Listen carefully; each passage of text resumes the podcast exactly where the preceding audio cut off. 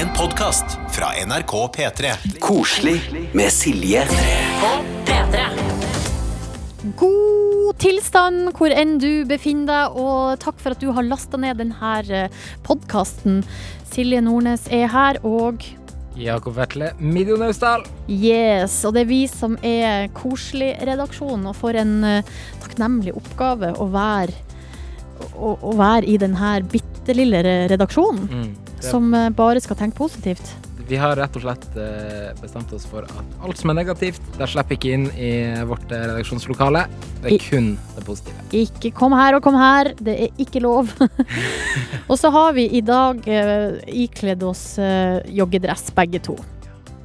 Det er fordi at eh, i løpet av eh, denne uka så kom det en sak på eh, VG-nett, altså det var Min Mote som sa at nå er det lov å ha på seg joggedress. Eller altså nå er det trendy å ha på seg joggedress. Det har jo aldri vært ulovlig, men det har vært uglesett å ha på seg det f.eks. på jobb eller ute i viktige ærend. Ja, jeg må jo si at eh, det å gå rundt her i NRK sine lokaler i joggedress, det føles på en måte litt feil, men samtidig føles det veldig, veldig rett.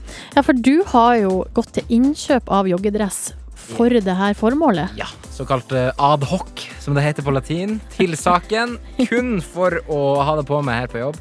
Da har jeg kjøpt en joggedress. Og eh, jeg er veldig fornøyd med det. Den kommer til å bli flittig brukt fremover. Eh, hovedsakelig hjemme, da. Ja, det er veldig bra. For det er noe med- at eh, du er jo eh, ung og ganske relativt ny i gamet. Mm. Så det tenkte jo ikke jeg på da jeg kom med denne ideen om at vi skulle ha på oss joggedress. At, altså, jeg kunne på en måte ikke falle meg inn at du skulle gå ut og kjøpe en joggedress. Kun for det her formålet. Men det er jo, altså det er jo Det var jo for det her formålet, men sant? Nå kan jeg bruke Jeg kommer til å ha på meg denne joggedressen på trikken igjen. Jeg kommer til å ha den på meg i kveld. Kanskje skal jeg ha den på meg etter jobb i morgen. Jeg kommer til å kose meg med den. Ja, det er veldig bra. Eh, velkommen til Koselig, kjære lytter. Vi oppsummerer uka, og vi bare kjører på. Koselig på P3. Har det skjedd noe fint i nyhetsbildet denne uka? Ja, det lurer du vel på? Og det har det, altså. Eh, kan jo bare ta en liten sak her fra eh, en, eh, et nettsted som heter ctvnews.ca. Altså, vi skal til Canada. Og der eh, har de eh, meldt denne uka at Canada skal nå forby plastikkposer, sugerør og eh, bestikk, altså plastikk Sånn her Altså bestikk og sånn engangsbrukprodukter innen 2020 sin slutt. Oi, det er jo, det er jo kort Ja, tid. det er veldig kort tid, og det er jo eh, for å ta tak og få bukt med det her plastproblemet. Og jeg tenker sånn, vi, eh, er det noe vi responderer på, vi, vi mennesker, så er det jo sånn.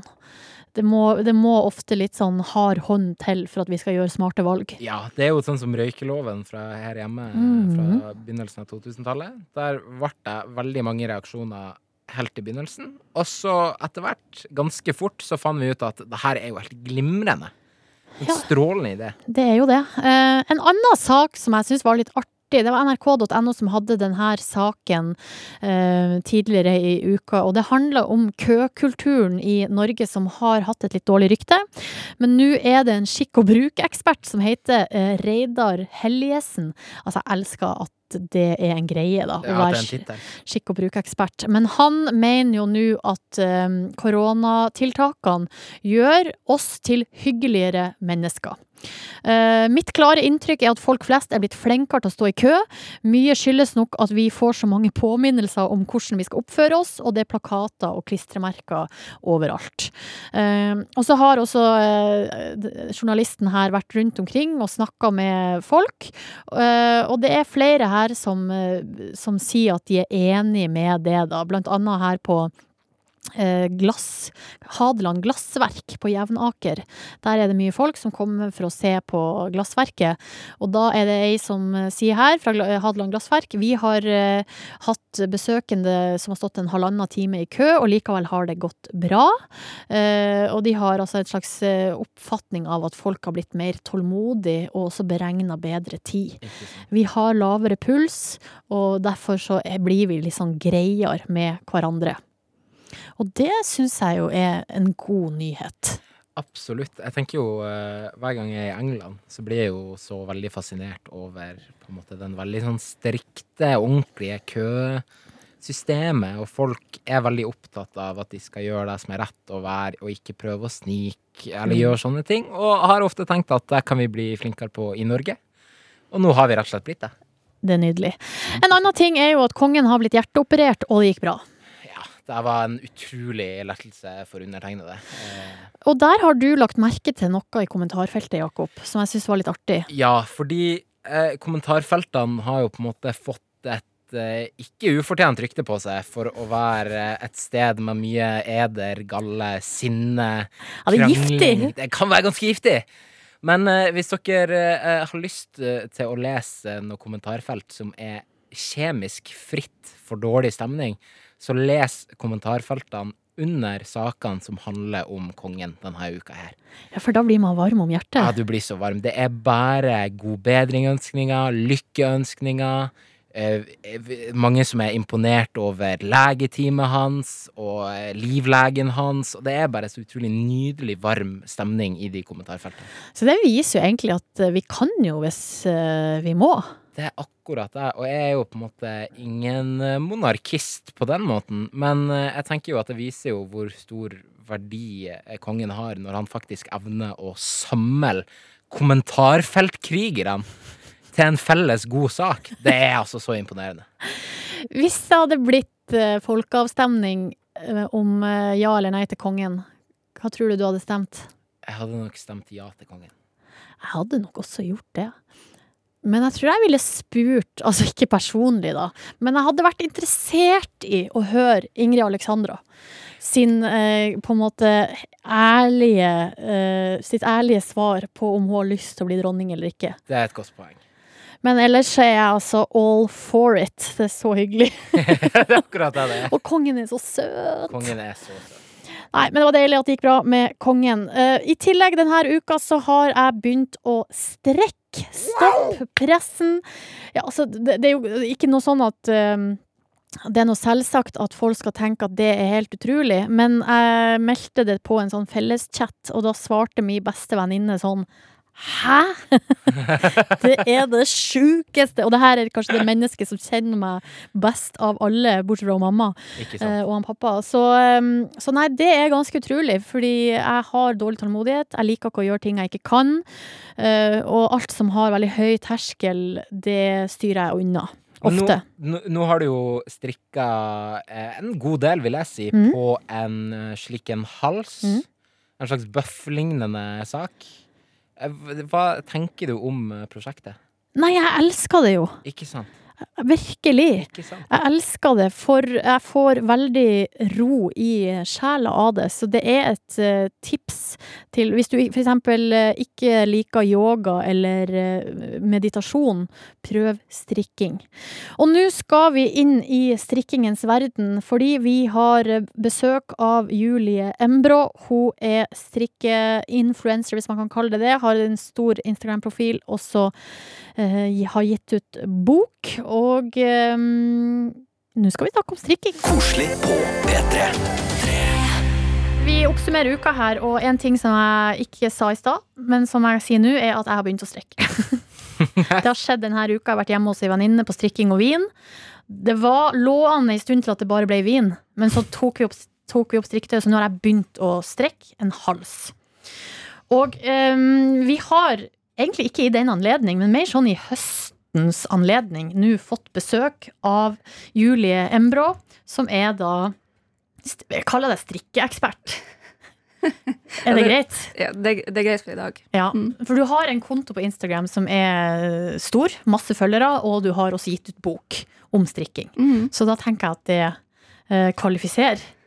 Hva syns du om strikketøyet mitt sånn fra toppen av hodet? Jeg syns det ser veldig bra ut. Jeg er overraska at du strikker med så små pinner. Jeg ville ikke starta der sjøl. Ok. Ja, fordi nå sier, sier du det at eh, da, da får jeg en slags følelse av at store pinner er bedre enn små pinner. Mm. Og det, um, og, for, men jeg har ikke peiling. Vi skal komme til det snart, altså litt sånn hvor, eh, hvor, man skal begynne og sånn som nybegynner. Men jeg lurer jo litt på, for din del, hvordan denne interessen starta? Det starta for eh, fem år siden, eh, da mamma sa til meg at nå var det på tide at jeg begynte å strikke sjøl. Eh, da var jeg blitt eh, 30 år. Hun sa at eh, da hun var 30, så hadde hun strikka siden hun var ung jente. Eh, så jeg begynte med en eh, første prosjekt, det var en jakke. Eh, pinne åtte brukte jeg. Jeg tror du har pinne to der. Eh, pinne åtte strikka med. Jeg skjønte ikke forskjell på rett og vrang. Skjønte ikke forskjellen på, eller forsto ikke hva det betydde at jeg skulle øke en maske eller felle en maske. Så jeg tror halvveis ut i prosjektet så tenkte hun mamma jeg, jeg er sikker på at hun tenkte at det var kanskje ikke så lurt at vi, jeg fikk å strikke likevel.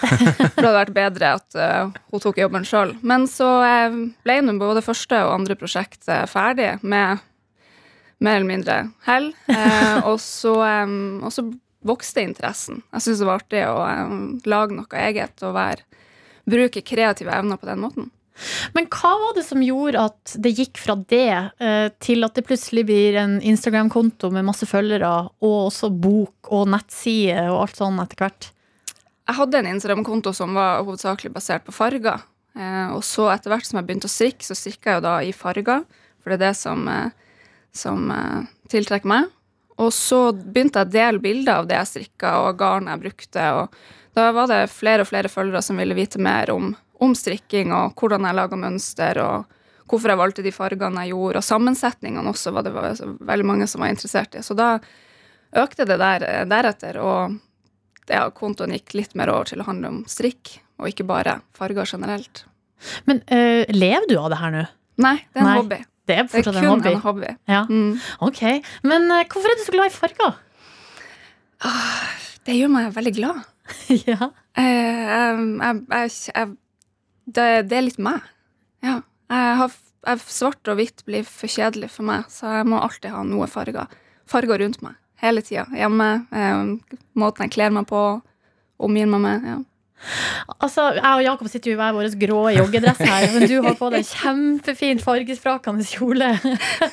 Så du fikk ikke den memoen om at vi skulle ha grå joggedress Nei, den, den beskjeden fikk jeg ikke. Den kom aldri frem til meg. Men du, altså, strikking har vært i vinden ei stund, da, er mitt inntrykk. Men så har det vært noen saker om at sånne strikkebutikkeiere har eh, meldt om at eh, de har merka veldig oppsving under korona, da. Sikkert fordi folk blir sittende hjemme og, og må finne på noe å gjøre. Men eh, hvordan har du merka det? Jeg har merka et uh, mer trøkk etter uh, at folk er mye mer hjemme, folk har lyst til å strikke. Og så jo mer uh, kontoen min blir delt, eller eh, noen deler bilder av det, de- at de strikker våre vårt mønster, så, så er det jo klart at det gjør jo at vi får flere følgere og flere som ønsker å strikke. Så vi merker et trøkk. Men um, altså, nå er det jo også denne vesten, da. Strikkevesten, Mm. som alle skal ha. Eh, har, du strik, har du strikka vest? Jeg har strikka vest. jeg har laga mønster til vest, men eh, det er ikke mitt favorittplagg. Det er det ikke. Men hva tenker du om at det blir sånn én ting som bare alle skal ha samtidig? Uh, ja, da, da er jeg litt motsatt. Ja, Da går jeg litt andre veien. Ja, jeg vil helst ikke gjøre alt det alle andre gjør. nei.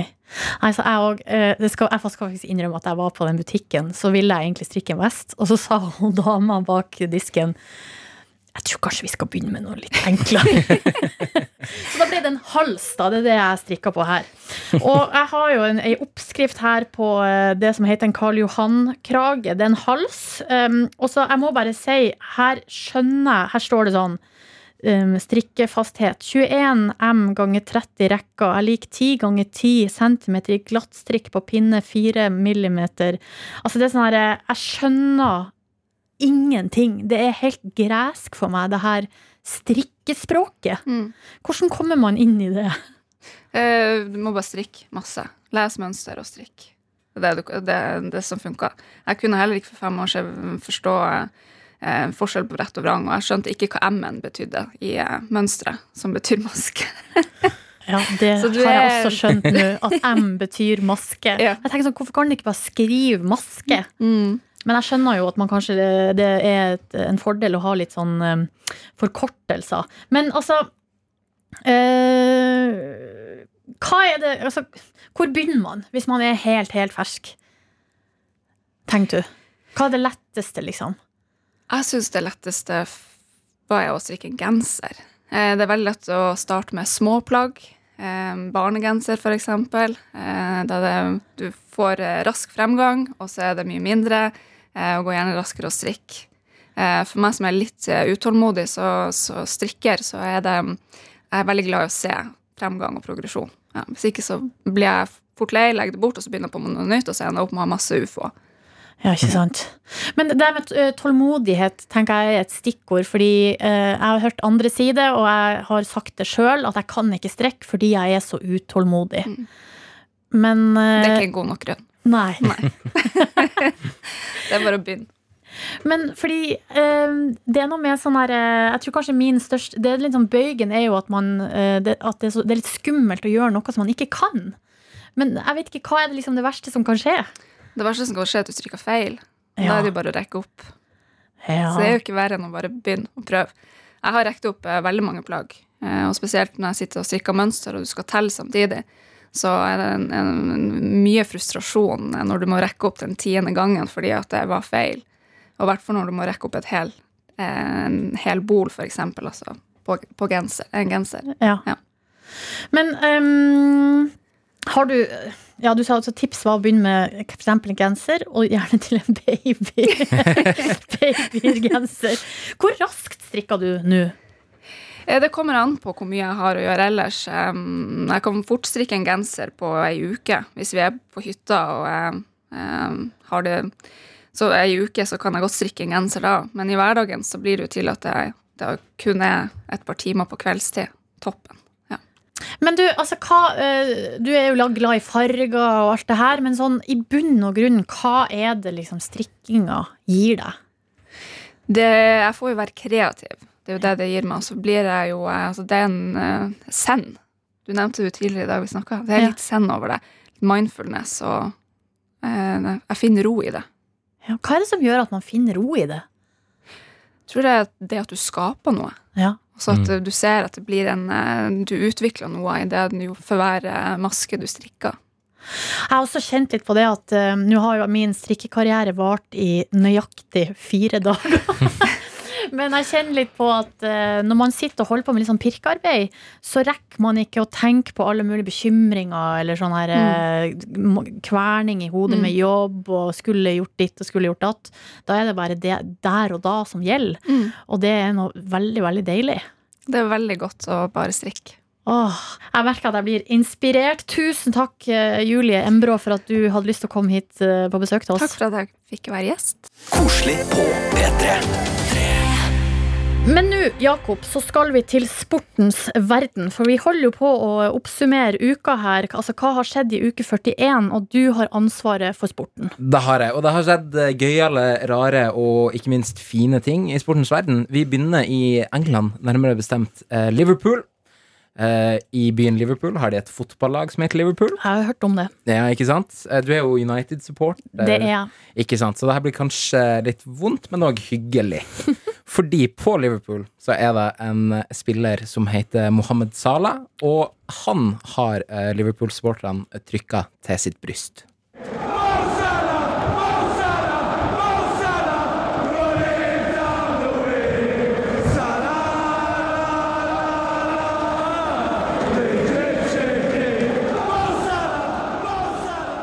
Ja, De liker han jo veldig godt, men det her kan ikke være fra 2020, det her. Det der er ikke fra 2020, men det som er fra 2020, det er at eh, Mohammed Salah eh, har for ikke så lang eh, tid siden redda en uteligger fra en guttegjeng. Ja. Eh, fordi eh, Mo, eh, Mohammed Salah han stoppa på en bensinstasjon i Liverpool etter han hadde spilt en kamp mot eh, Arsenal. Eh, og der var det en guttegjeng som plaga en uteligger som heter Craig. Eh, og de sa til han sånn 'Hvorfor tigger du? Få deg en jobb?' etc., etc. Og da gikk Mohammed Salah bort til den guttegjengen, og så sa han 'Ikke gjør det her. Det der kan godt være dere om et par år. Prøv å tenke på hva dere kan gjøre for å hjelpe sånne mennesker, i stedet for å gjøre narr av dem.' Og så Da dro guttegjengen, og så gikk Mohammed Salah inn på bensinstasjonen og tok ut eh, 100 pund. Og ga tusen spenn. cirka. 1000 spenn, drøye 1000 spenn, og ga til denne uteliggeren.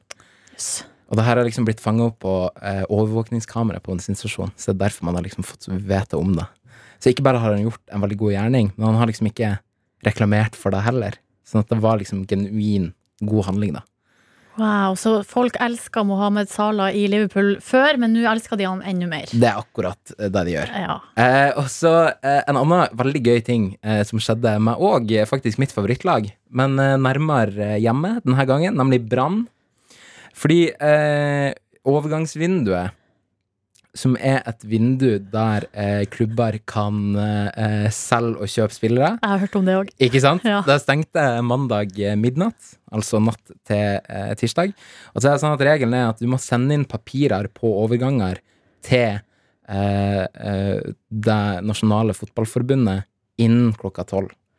Eh, og Brann de skulle hente en spiller som heter Sander Svendsen fra Norge. Eh, han skulle hentes på lån. Fra Norge til Brann? Ja, han er fra, han er fra Norge, men Ja. spiller på Odense i Danmark OK, nå, ja, så de skal låne han fra Odense. Ja. Eh, og når de skulle da låne han, så sendte de inn eh, papirene til NFF, altså Norges Fotballforbund, på at de skulle låne han. Den sendte de inn 23, 59, 51. Altså ni sekunder før overgangsvinduet stengte. Og så, siden det er en internasjonal overgang, fordi han kommer fra Danmark og skal til Norge, så må òg Fifa, som er det internasjonale fotballforbundet, ha de samme papirene. Og de papirene ble lasta opp fra NFF til Fifa 23, 59, 59. Åh, det er knapt! Det er så knapt at det tok to og en halv dag med eh, detektivarbeid før de greide å konkludere med at papirene var inne tidsnok. Så Sander Svendsen ble altså klar for Brann to og en halv dag etter at overgangsvinduet stengte. Ai, ai, ai, ai. Nei da, men uh, budskapet kan jo være at det lønner seg å være ute i litt bedre tid, så det ikke blir så mye lok. Absolutt. Men som Rune Soltvedt, sportssjef i Brann, sier, nå har vi verdensrekorden. Og den blir umulig, bokstavelig talt, å slå. Fordi du Ja, det er på tiendedelene du må inn, da. Det er det som er. Ja, men tusen takk, Jakob, for de her eh, små historiene fra sportens verden. Da vi bare ser glatt forbi at Norge ikke kom seg til EM. Det trenger vi ikke, La oss ikke snakke om det. i det hele tatt. Snakka ikke om det i det hele tatt. Koselig på P3. Og nå, Jakob, så skal vi eh, snakke med en fyr som heter Emil, som eh, er, befinner seg i Sarpsborg. Og han Emil, skjønner du, han, har, han er veldig fan av eh, ishockeylaget Sparta. God eh, søndag, Emil. Jo, god søndag tilbake. Og så har det seg sånn, det her har jeg lest nå på Fredrikstad Blad, eh, Emil, at du har eh, tatovert to Sparta-logoer på kroppen din eh, på to måneder. Ja, det er helt riktig det. Kan ikke du fortelle hva skjedde? Jo, det som skjedde var jo det at jeg synes jo det var jo litt på tide, siden min samboer også har en eh, Sparta-tatovering. Så da var det på tide å ta en uh, tatovering for meg også. Så jeg tok den jo i juli. Så tok jeg Sparta-tatovering. Ja. Men så skjedde jo det, da. 15. august i år. Så velger da Sparta å bytte logo. Hva tenkte du da? Jo, jeg tenkte det at Jeg var litt dårlig tima i forhold til meg, men da tenkte jeg ja, ja, da var det å ringe Erik, da, tatovøren eh, i Sarpsborg, og ja, når har du tid til å ta ny tatovering her? Da var det å bestille ny. Ja, Så nå har du altså den gamle logoen på armen, og så har du den nye logoen på brystet. Ja, det, det blir litt sånn der, ja, da har man fortid og fremtid, da, vet du. Ja, ja, det er perfekt. Men det som jeg liker så godt med denne historien, Emil, er jo at du har jo så godt humør. Det har jeg, og det må man ha i en eh, hverdag som eh, er nå for tida òg. Ja, det er veldig, veldig, veldig sant. Men du, han tatovøren han sier til Fredrikstad Blad at du, eh, altså Emil Miguel Berg, er den siste som fikk den gamle logoen tatovert på kroppen, men du er også den første som tok den nye logoen. Eh, hva tenkte du om å være den personen? Jo, altså jeg syns jo det er veldig stort å være den første som tar den nye tatoveringa av den eh, nye logoen. Jeg syns jo det er veldig stort. Og samtidig så syns jeg det er jo litt sånn eh, artig at jeg også er den siste som tok, tok den gamle. På grunn av at det er jo litt sånn der Man forventer jo aldri at dere, klubben din skal bytte logo. Nei, man gjør jo ikke det. Hvor ofte skjer det, liksom? Ja, ikke sant? Men samtidig da, så er det sånn at dere, jeg, jeg, følte, jeg følte jo det litt sånn at når jeg får liksom den første, den første logoen, da er det sånn der at da vil jeg vise den frem ganske tydelig da, for å liksom vise med ære da, vise med stolthet frem da. Ja, ja, ja. Men du, hva er det med Sparta som du er så glad i? Det er rett og slett eh, er, Sparta har liksom bare vært den der eh, Alltid vært der, liksom. At det, det er eh, Det er noe man gleder seg til eh, når vinteren kommer, høsten, høsten nærmer seg. Da bare merker man det i kulden at nå begynner hockeysesongen. Det er noe med at man har noe å glede seg til. Ja. Samtidig som at når man skal på kamp, at det blir sånn det blir sånn fellesskap ut av det. Det er fantastisk ramme rundt, og man bare gleder seg til hver eneste kamp. Hvilken status får du i supportergjengen nå, da, når du har både den gamle og den nye logoen tatovert på kroppen? Jo, jeg har jo fått veldig mange tilbakemeldinger, og veldig mange har jo nå lyst til å ta den nye logoen også. Ja. Så det har jo blitt altså, har jo, Det er jo ikke så ofte da at man plutselig bare får beskjed om å ta av seg på overkroppen for å vise frem brøstet sitt. Nei, men nå er det helt legitimt. Alle vil se den nye tatoveringa.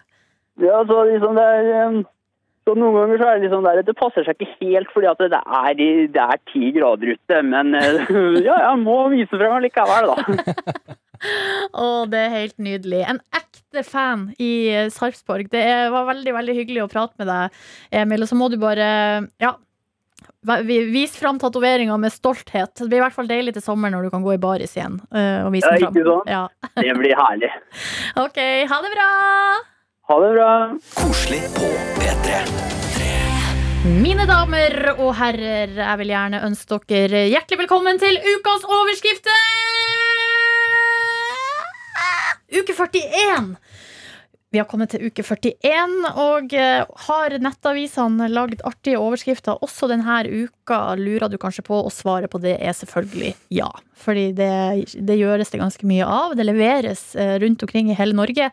Og eh, her er jo konseptet at du der hjemme, hvis du kommer over ei artig overskrift i din lokalavis, så blir jeg jo veldig, veldig glad om du sender meg et tips.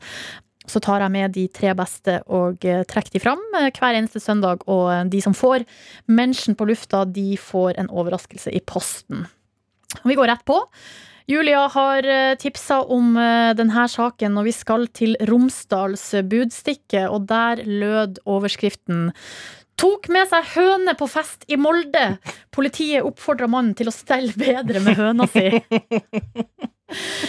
Og det er altså politiet som opplyser at hønemannen i hermetegn Oh, De har, eh, altså de har kalla mannen med høne for hønemannen. Natt til lørdag, altså det er forrige uke, da, var politiet ute. De fikk melding om at det var flere berusa ungdommer som skapte støy og bråk ved en bensinstasjon i Molde. I forbindelse med oppdraget fikk patruljen eh, vite at en av festdeltakerne hadde tatt med seg ei høne til sentrum. Og politiet opplyser at hønemannen var borte da patruljen kom. Og da har de skrevet da på Twitter, så det er jo der det her kommer fra, denne saken. Vi oppfordrer mannen til å stelle bedre med høna si. Tenk at han kommer til å være hønemann resten av livet sitt. Ja, og det er jo det der at eh, Altså, jeg vet ikke om Han her er vel kanskje ikke helt kriminell ennå, men du har jo sånne Altså eh, Det eneste jeg kommer på nå, faktisk, er fra Home Alone. At de to uh, tyvene i Home Alone skal være The Sticky Bandits. Ja. Um, eller så skal de også være sånn The Wet, the Wet Band- Bandits i Wet- første, og så ja. de Sticky Bandits i andre. Riktig. Sånn at det er liksom kult å ha en sånn, eh, et kallenavn i media. Ja, ja, ja. Og her er hønemannen i Molde godt på vei. Gratulerer. Så går vi videre til neste sak. Jessica har tipsa om denne eh, saken, som har av helt naturlige årsaker gjort seg bemerka i løpet av uka. Og det er fordi at glåmdalen.no leverer her veldig, veldig sterkt på overskriftsfronten. Vi skal til eh, Sør-Odal. Og eh, der har det skjedd et eh, tyveri, og overskrifta på saken er Sniker snek seg til utstyr på Snikerud. og da er det altså en plass som heter Snikerud i Sør-Odal. Der eh, en tyv har eh, brutt seg inn på et sted og tatt um, diverse lysutstyr fra en gravemaskin. De har tatt med seg en LED-bjelke, en blitsbjelke og noen blinklys. Og det skal være en anslått verdi på mellom 20 og 30 000. Så mye? Men det er klart, altså når du har en plass som heter Snikerud, og det har skjedd et tyveri der, da syns jeg at uh, glåmdalen.no kan ikke gjøre noe annet. Nei, de gjorde det de måtte. Ja, Altså. Snikerud snek seg til utstyr på Snikerud. Det, er, er en tongue twister, rett og slett. Vanskelig å si. Ja, det er veldig, veldig bra. Til slutt så skal vi til eh, Helgelendingen. Der har Guttorm tipsa om Uh. følgende sak. Det er til ditt lokale område, Jakob, og overskrifta den lyd. Hespetre til salgs! Populært blant eldre damer. Og så er det bare verdens søteste sak, som handler om at Vefsn Røde Kors Bruktbutikken Ja. selger altså da hespetre. Hva er et hespetre? Nå skal du høre. Hespetre brukes når du skal farge garn. Eh, Du spinner garnet sjøl og farger det og henger det opp til tørk.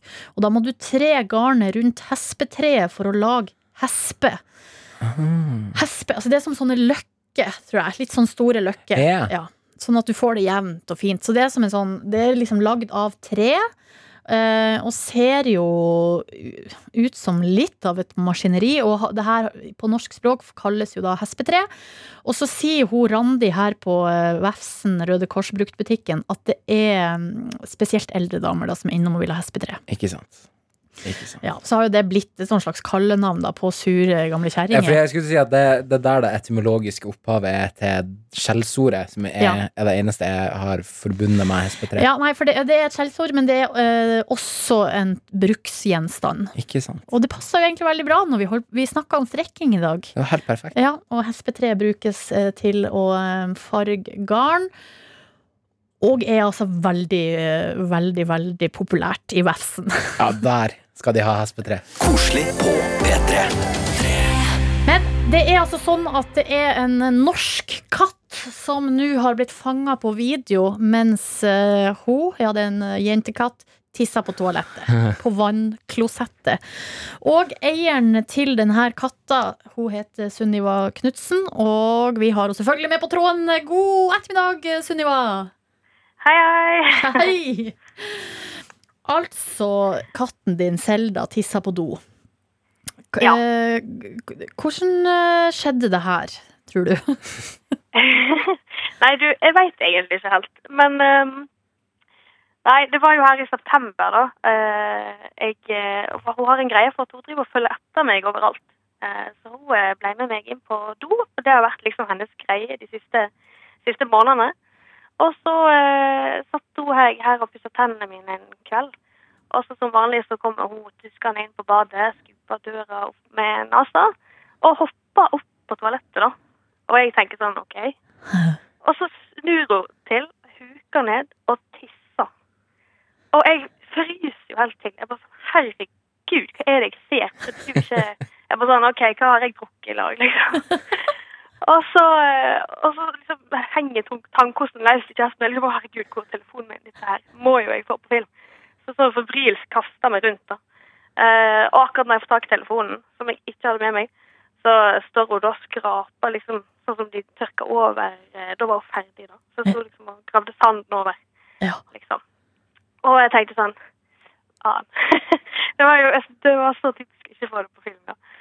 Så, nei, jeg var helt sjokkert. Men men så skjedde det jo ikke bare én gang. Nei, nei. Eh, dette her ble jo mitt mission at jeg skulle få på film. Ja. Og etter den første gangen så sendte jo jeg en litt sånn sjokkert snap til eh, vennene mine, og egentlig ja, alle jeg kjenner nå, bare sånn, å herregud, dere skal høre hva som har skjedd. Og så trodde jo ingen på meg da. Så da eh, fikk jeg et sånn oppdrag at jeg skulle få det på film. Ja. Og det gikk nesten en veke med masse, masse sånn nesten eh, der jeg klarte det. For hun gikk på do sånn hver dag etterpå.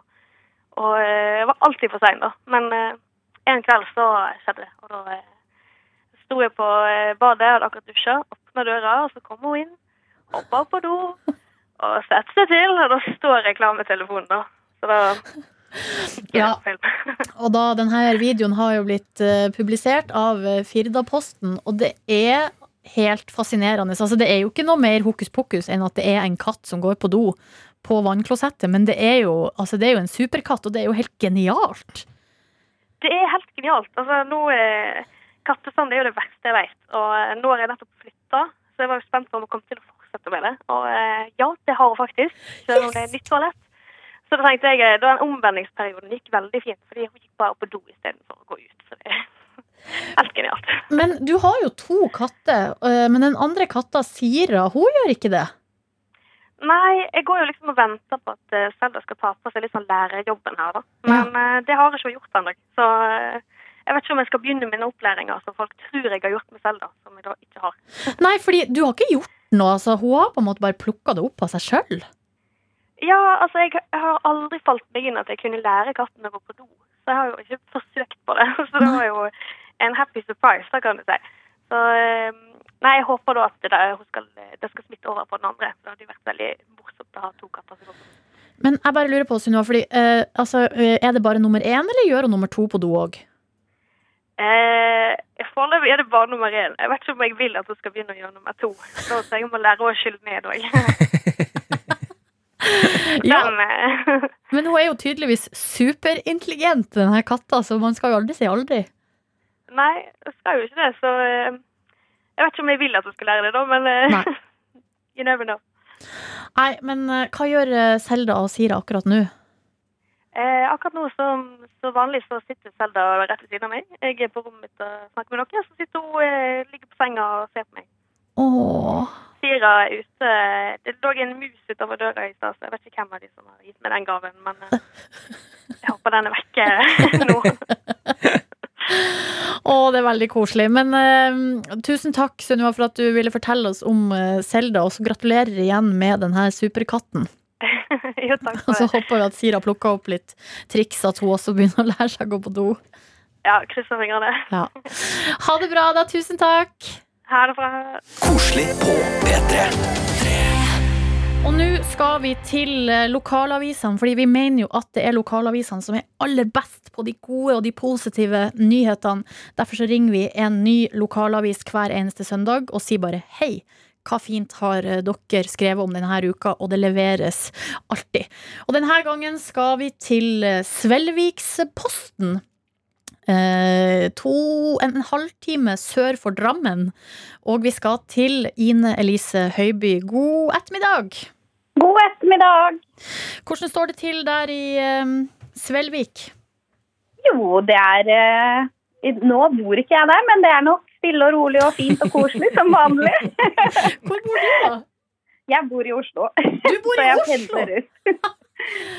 Men i Oslo har det vært fint vær i dag, så det er jo deilig. Ja, det pleier å være det samme der ute. Så. Kanskje litt mer blåst, bare. Ja. Men du, altså, er du enig i at uh, lokalavisene er, er bra og positive for samfunnet? Ja, jeg tror eh, Jeg ser det etter å ha begynt å jobbe i lokalavis, at eh, du møter folk på et helt annet vis da, enn hva du gjør i riksmedier, f.eks. Mm.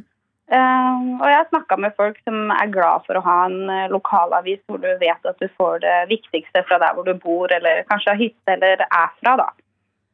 Men da leder det meg til spørsmålet hva fint har dere skrevet om i Svelvikposten denne uka? Vi har skrevet masse fint. Eh, Men vi har bl.a. i går publiserte vi en sak med en som heter Stian, som jobber i en eh, bedrift som heter Svelvik Produkter. og der, eh, Det er en sånn varig tilrettelagt arbeid-bedrift. da. Eh, Så Det er litt sånn arbeidsretta tiltak, eh, litt sånn skjerma virksomhet. Um, og han, Der har sjefen funnet ut at hun skulle sette alle DVD-ene sine der. Og det gjorde han også, men han hadde jo ganske mange. Så han ga bort fem bæreposer med DVD-er som de ansatte da kan låne og dele på, alle sammen. Å, det er fint. Så det er veldig sånn koselig. Og de tidligere så har de hatt utlån av bøker, eh, men nå så har de også da 300-400 DVD-er har de nå, da. Wow! Så det er visst starta masse diskusjoner, og folk andre har tatt med seg filmer, og de snakker om hva slags filmer de liker og ikke liker. og Så det har blitt positivt for eh, innad i bedriften, for arbeidsmiljøet også. Altså, Stian har på en måte starta en sånn slags eh, ny altså, en slags, Du kan nesten kalle det en filmklubb. Ja, ja, det blir jo litt sånn, egentlig. Ja. Eh, det er mye å velge mellom og kose seg med der. Da. Nei, så fint. Det var veldig koselig, eh, Ine Elise. Så skjønner jeg at du, du er midt i bursdagsfeiring, du. Ja, han har akkurat trøkka inn meg litt kake, den tredje eller fjerde for uka. Så nå skal det bli godt med mandag i morgen. Ah, tusen takk for at du var med på eh, tråden. Så må du ha en uh, nydelig bursdagskakefest videre, og så en god uke. Takk i like måte. Ha det bra. Koselig på P3. Er du en kakemann, Jakob? Eh, jeg velger å si både ja og nei. Eh, egentlig ikke, men hvis det er en av de tre på en måte kakene som jeg virkelig elsker, da er jeg virkelig en kakemann. Hva er det du elsker, da? Jeg elsker napoleonskake, jeg elsker tropisk aroma, og jeg elsker ostekake. Men er du en 80 år gammel mann? Nei, altså ostekake er greit, men akkurat napoleonskake og uh, tropisk aroma har en sånn litt eldre klang. Ok, men ta Schwung. Jo, jeg ser den, men, Men det er jo godt, det, Ta jeg sier ikke det. Hva er det? Litt butterdeig, masse vaniljekrem, litt melis. Det er jo på en måte det perfekte eksempelet på hva kake kan være. Jo da, det er jeg enig i det. What's not to like? Akkurat det. Jeg er ikke noen stor kakeperson, jeg heller, men jeg sier jo ikke nei takk hvis det kommer på bordet. Hva er favorittkaken, da? Det er kanskje ostekake, men så er jeg også veldig svak for sjokolade eller en sånn mørk brownies-variant. Men det er jo det tropisk aroma er. Jeg skjønner ikke Nei, men der er, det er noe med ar den aromaen. aromaen er deilig, da. Jeg er ikke så glad i aromaen. Vi er nærmer oss slutten her i podkasten. Vi må jo takke deg for at du har lasta ned. Og så minner vi om at eh, til uka, altså onsdag 14. oktober, så eh, braka det i gang. Verdens viktigste radiosending, som vi liker å kalle det. Det Mm. er P3-aksjonen 100 timer direkte fra Solsiden i eh, Trondheim på P3 eh, og på p3.no. Og i år så går pengene til eh, WWF, Verdens naturfond, og deres kamp mot plast i havet. Det er en veldig, veldig god sak, så vi håper jo at alle har lyst til å være med på denne dugnaden. Det blir ikke bøssebærere i år. I år er det digitale bøssebærere.